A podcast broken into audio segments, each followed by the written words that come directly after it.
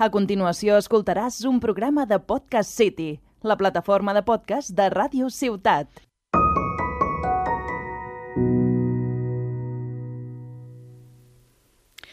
Bona tarda.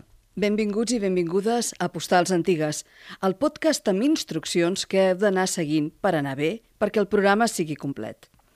La nostra funció des de la ràdio és aportar-vos informació, picar la vostra curiositat, esperonar el sentit de la singularitat que fa que tot el que fem i el que passa sigui únic. La vostra feina? Ben senzilla, deixar-vos portar i anar connectant-vos a la web de la ràdio, on veureu les postals antigues de les que parlem en el podcast. Paisatges, persones, instants. Tot queda plasmat en una sola imatge i sovint és tan evocadora. Viatgeu amb nosaltres al passat recent de Postals Antigues, un podcast de Ràdio Ciutat de Tarragona.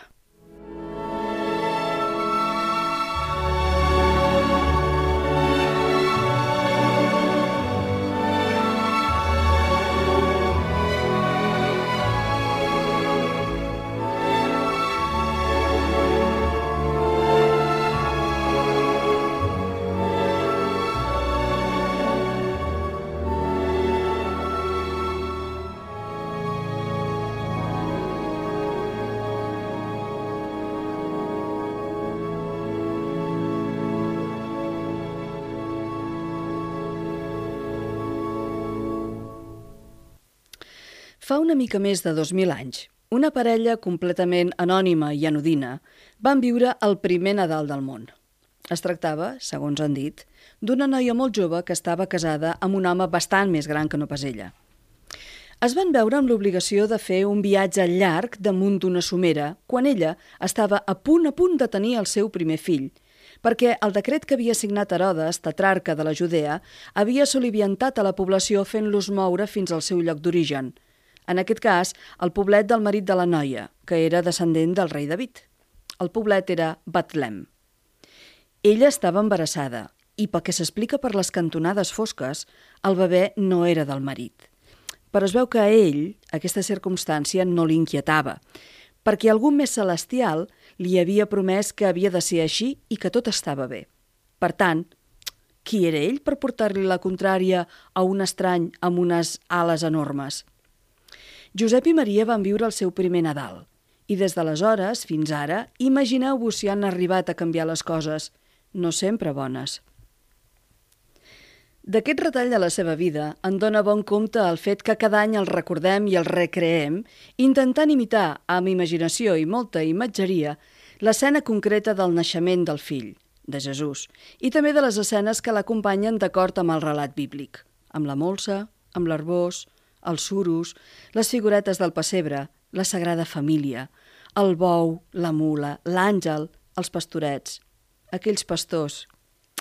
Pastor dels meus somnis d'infant, de les meves tristeses de gran, pastor menut del meu pessebre. Nadal ha canviat de forma, d'estil, de motivació fins i tot, i s'ha convertit en els dies de vacances que la gent té a l'hivern, quan l'estiu ens queda tan lluny que ja ni el recordem. Uns dies de pausa. Com ens agradaria que el Nadal fos blanc, tot i que aquí a Tarragona això és difícil. Ara el Nadal està ple de cascavells.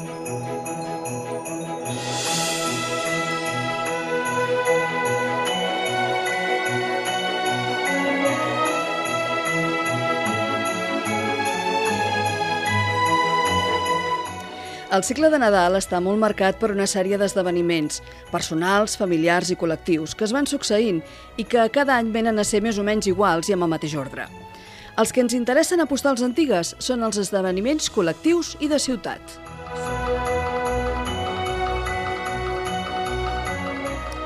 Vinga, som-hi! L'encesa dels llums de Nadal és el primer moment en el qual ja es veu venir que el Nadal treu el nas. Cap als anys 60, la il·luminació dels carrers per Nadal no era mínima com ara, i aquest any encara llueix prou, sinó que les bombetes eren bombetes de 60, 80 i 120, les de tota la vida. I segons explica La Vanguardia, n'hi havia més de 2.000 per tota la ciutat. Escolteu quina crònica feia el corresponsal de La Vanguardia a Tarragona, en Joan Putau, l'any 1966, parlant precisament de la inauguració dels llums de Nadal d'aquell any. Atenció, Acompañado de los miembros de la corporación municipal, el alcalde de la ciudad, don Agustí Martí, ha recorrido esta tarde las calles de Tarragona para inaugurar oficialmente las iluminaciones navideñas. La ciudad ofrece desde esta noche un aspecto maravilloso, con cerca de 20.000 bombillas trazando arcos, guirnaldas, estrellas, campanas y otros motivos navideños. La fachada del palacio, que conjuntamente ocupan el ayuntamiento y la diputación, está artísticamente silueteada con bombillas y en el centro un sugestivo enlace entre la Navidad y las recientes jornadas que ha vivido el país. Se ha colocado un gran cartel luminoso con la inscripción Paz sí.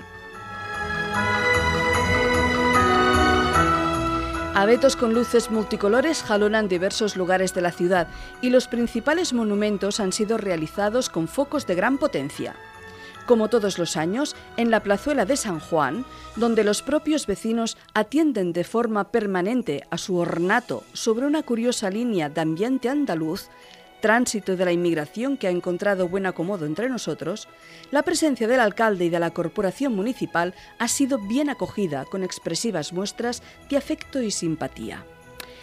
En el jardín de la Plaza Imperial Tárraco se ha colocado un Belén monumental cuya instalación ha corrido a cargo de la Asociación de Pesebristas, bajo el patrocinio del gobernador civil y presidente de la campaña de Navidad y Reyes. A última hora, en su local social, el veterano coro Láncora ha dado un concierto de canciones navideñas, participando asimismo en la velada la coral de cámara Tarraconova y las Bardansaire Tarragona, corriendo la dirección musical a cargo de don José de Besa y la coreografía de don Salvador Fa.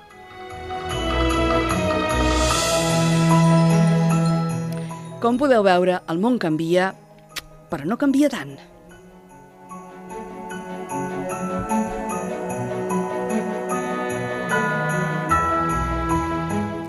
Nadal el celebra cadascú a casa seva. I ara no us recorreré altra vegada amb allò que és tan explicat i tan repetit de per Nadal cada ovella al seu corral. No.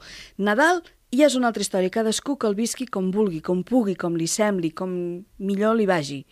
Abans, però, a Tarragona hi ha un altre moment important. A Tarragona i a tot arreu, de fet, però a Tarragona també, que és el moment de la Missa del Gall, altrament anomenada la Missa de les Pells i de la perruqueria. Oh,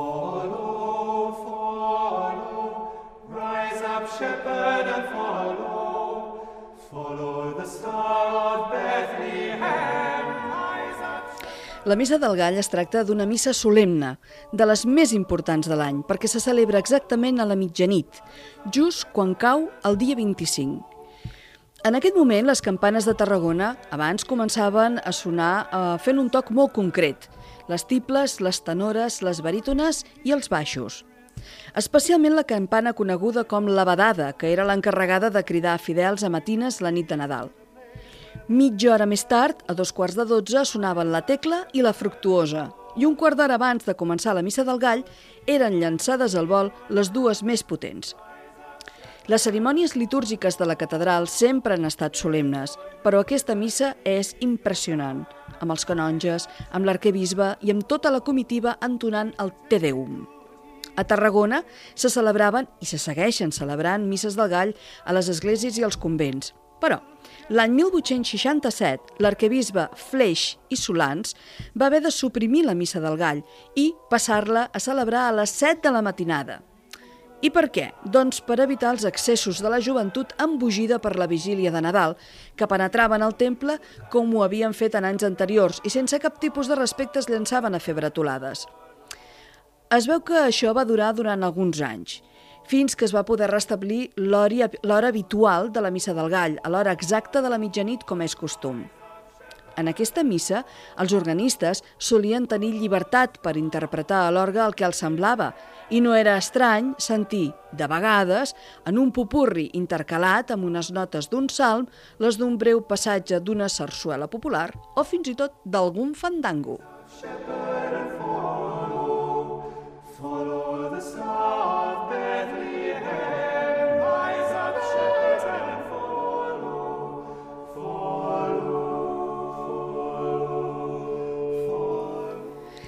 Entre Nadal i Sant Esteve i Cap d'Any hi ha un dia curiós. És el dia dels Sants Innocents. És el dia de les bromes, és el dia de les llufes. Abans, aquest dia, els aprenents, quan n'hi havia, el passaven magre, perquè eren el blanc de totes les burles, especialment quan els amos dels tallers els feien anar a comprar encàrrecs impossibles, com per exemple a la carnisseria a comprar 100 grams de morro picat, i que si no en tenien, els hi piquessin. O bé quan els feien anar a buscar arrels de campanar i els donaven un sac que pesava un munt de quilos i els hi feien portar a Collibè. O quan simplement els penjaven la clàssica llufa i els feien anar pel carrer i els pobres aprenents, innocents ells, hi queien de quatre potes. Mireu, hi ha una anècdota que explica el, eh, el Joan Pau Virgili, el iaio Virgili, en el seu llibre Llegendes i narracions de Tarragona, que mireu, potser us farà gràcia.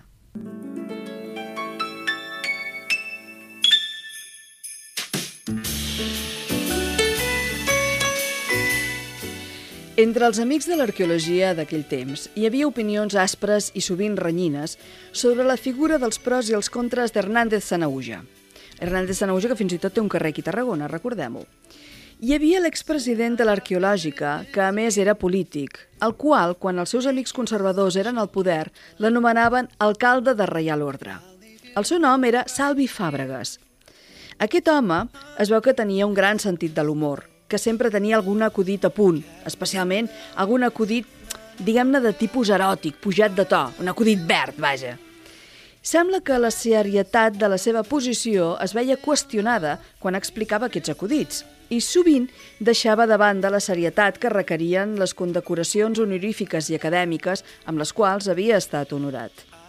El cas és que en Salvi Fàbregas també va dirigir un diari conservador que tenia una certa tirada a Tarragona en temps de Cànovas.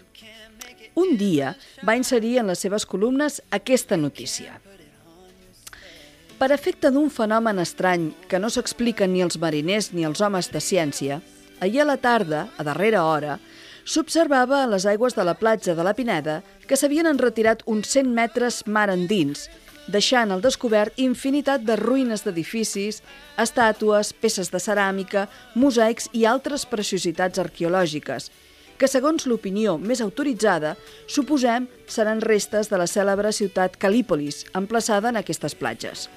A l'hora de tancar aquesta edició, continuava el mar en retirat i és de creure que la depressió atmosfèrica continuarà així encara alguns dies més. Oh, Fàbregas explicava que quan Hernández Sanauja ho va llegir, va sortir al carrer a córrer cuita i, llogant una tartana, va pregar al tartaner que apretés el trot per arribar el més aviat possible al lloc de la platja de Salou. Però quan va arribar allí, per més que va mirar i remirar, no va veure que el mar s'hagués enretirat ni que del mar hagués aparegut absolutament res. Va interrogar uns carrabiners i ells tampoc no havien observat res anormal – així que Hernán de Sanauja va tornar a agafar el diari per rellegir de nou la notícia, incrèdul, pensant que potser s'havia equivocat. No entenia el que passava, perquè el periòdic ho descrivia amb tot detall. El que passa, el que passa, és que el pobre Hernán de Sanauja no va percebre fins al cap d'una estona que el diari duia la data 28 de desembre, dia dels Sants Innocents coses que passen, fins i tot a algú tan important i algú amb tantes llums com Hernández Sanauja. Hi ha un altre moment també molt interessant eh, que es celebra de forma col·lectiva i és el canvi d'any, és a dir, el dia de Sant Silvestre, el dia 31 de desembre, quan surt l'home dels nassos. El capgròs que surt és obra de l'escultor Verderol, que figura que és el darrer dia de l'any i té, per tant, un nas enorme. Aquest dia també s'aplega molta gent al carrer per veure passar l'home dels nassos en el seu carruatge.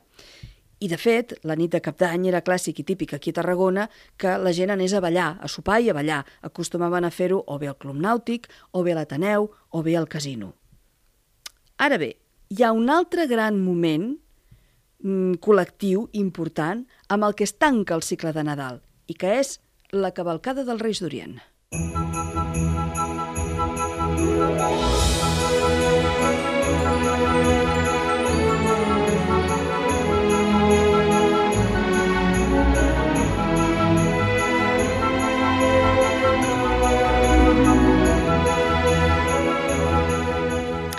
La representació dels Reis d'Orient, Malció, Gaspar i Baltasar, és recurrent a tots els pessebres, fins i tot més que no pas els pastorets amb els seus ramats.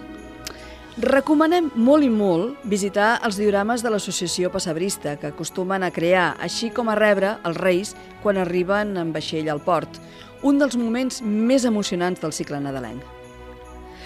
Ara bé, els reis es poden veure tot l'any.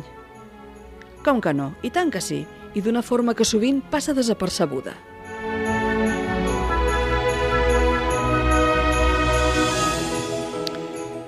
Es tracta d'una vella imatge preciosament esculpida en pedra a la part superior de l'entrada del temple de Sant Agustí, a la Rambla Vella. Damunt de l'infant es projecten raigs de llum que emanen d'un estel de vuit punxes. Al seu davant hi ha, agenollat, el primer rei, que el besa amb la corona posada. El segon està dret i ofereix el cofre amb un present. I el tercer, el darrere, es recull la capa amb la mà dreta. També hi ha patges que van amb els reis, i en un extrem Sant Josep. És una vella obra d'art magistralment esculpida que no us sabrà gens de greu contemplar, especialment si us agraden les coses velles i les sabeu apreciar.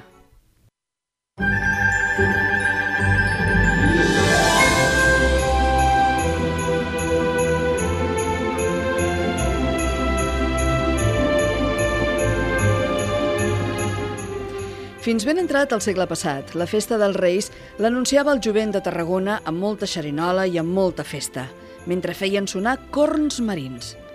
Recorrien els carrers la nit de la vigília, amb torxes que espantaven la gent del veïnat. L'any 1859, l'alcalde del moment va publicar un ban fins i tot que prohibia aquests accessos. Però a l'hora de la veritat no va servir de res, perquè els serenos no donaven a l'abast ni podien fer res davant de tant de desordre sortien bandes de músics a donar serenates davant les cases de persones de bona posició, com els Canyelles, els Masalles, els Albanès, Satorres, Gaset, Rius o Planes, cognoms de comerciants i polítics que feien moure el port i que en el Congrés dels Diputats deixaven sentir, i ben clares i altes, les seves veus.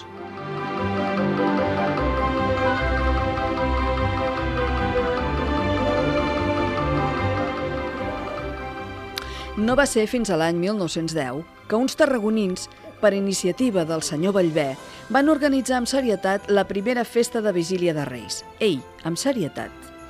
El primer any tot va ser una mica improvisat, però eh, amb un país que, avillats amb uns vestits de casa gavarró i a dalt d'uns carros amb fanals que el senyor Cidon, mestre de dibuix de l'institut, va apropiar per aquesta finalitat i més semblaven disfressats que no pas mags d'Orient. A part de Cidon, també van col·laborar en aquesta primera cavalcada el metge Soler, el tallista Ripoll, el professor de dibuix Moles i el cònsul de Bèlgica que es deia Francillon. Això passava a l'any 1910 i va ser tot així una mica allò que en castellà en diríem manga por hombro, a salta de mata. Però ja van sortir uns primers reis. Uh, en canvi, uh, l'evolució natural d'aquesta cavalcada ens porta fins a l'any 1917. En aquell moment la comitiva ja era molt lluïda. Amb la cavalcada a punt de desfilar, un cavall d'un dels reis es va encabritar una mica i el personatge que el muntava li va entrar una miqueta de pànic. El seu patge, eh, que el veia com a tremolós de por, es va prestar a substituir-lo mentre li deia «Baixa, baixa, morros de...» I el poruc rei va descavalcar, durant el cetre i la corona, al seu miserable criat, que va representar el seu paper amb tota la dignitat. El destronat rei va haver de contentar-se simplement en portar el curser per la brida i caminar a peu fent tot el trajecte.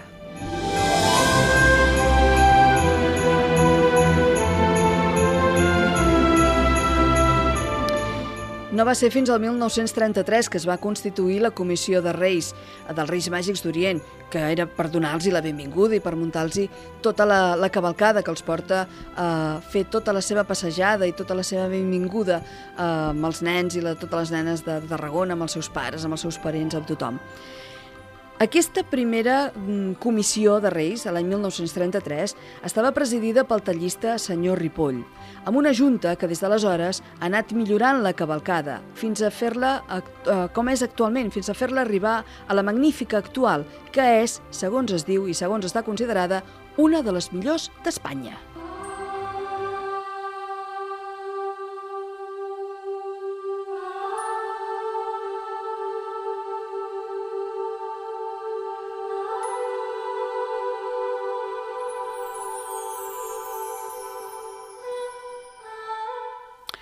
Tenim Nadal aquí mateix.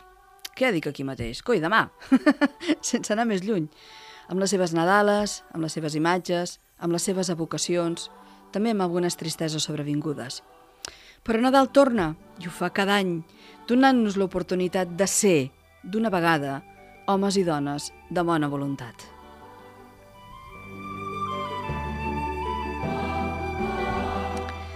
Què us podem dir que no us haguem dit ja? El cicle nadalenc és molt interessant aquí a Tarragona. Dona per moltes postals antigues. No deixeu de mirar les que us pengem juntament amb el podcast a la pàgina web de, de la ràdio. Jo crec que us agradaran. I són imatges que ens porten molt enrere en el temps.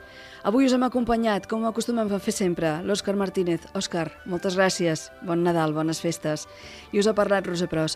Les imatges que podeu veure són de la pàgina Tarragona Antiga, que trobareu a Facebook, una pàgina magnífica perquè us hi passegeu i podeu passar moltes hores.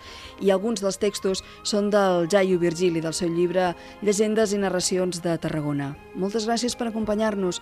Tingueu bones festes, tingueu bon Nadal, gaudiu molt d'aquests dies, porteu-vos bé, feu bondat i, sobretot, cuideu-vos. Has escoltat un programa de Podcast City, la plataforma de podcast de Ràdio Ciutat.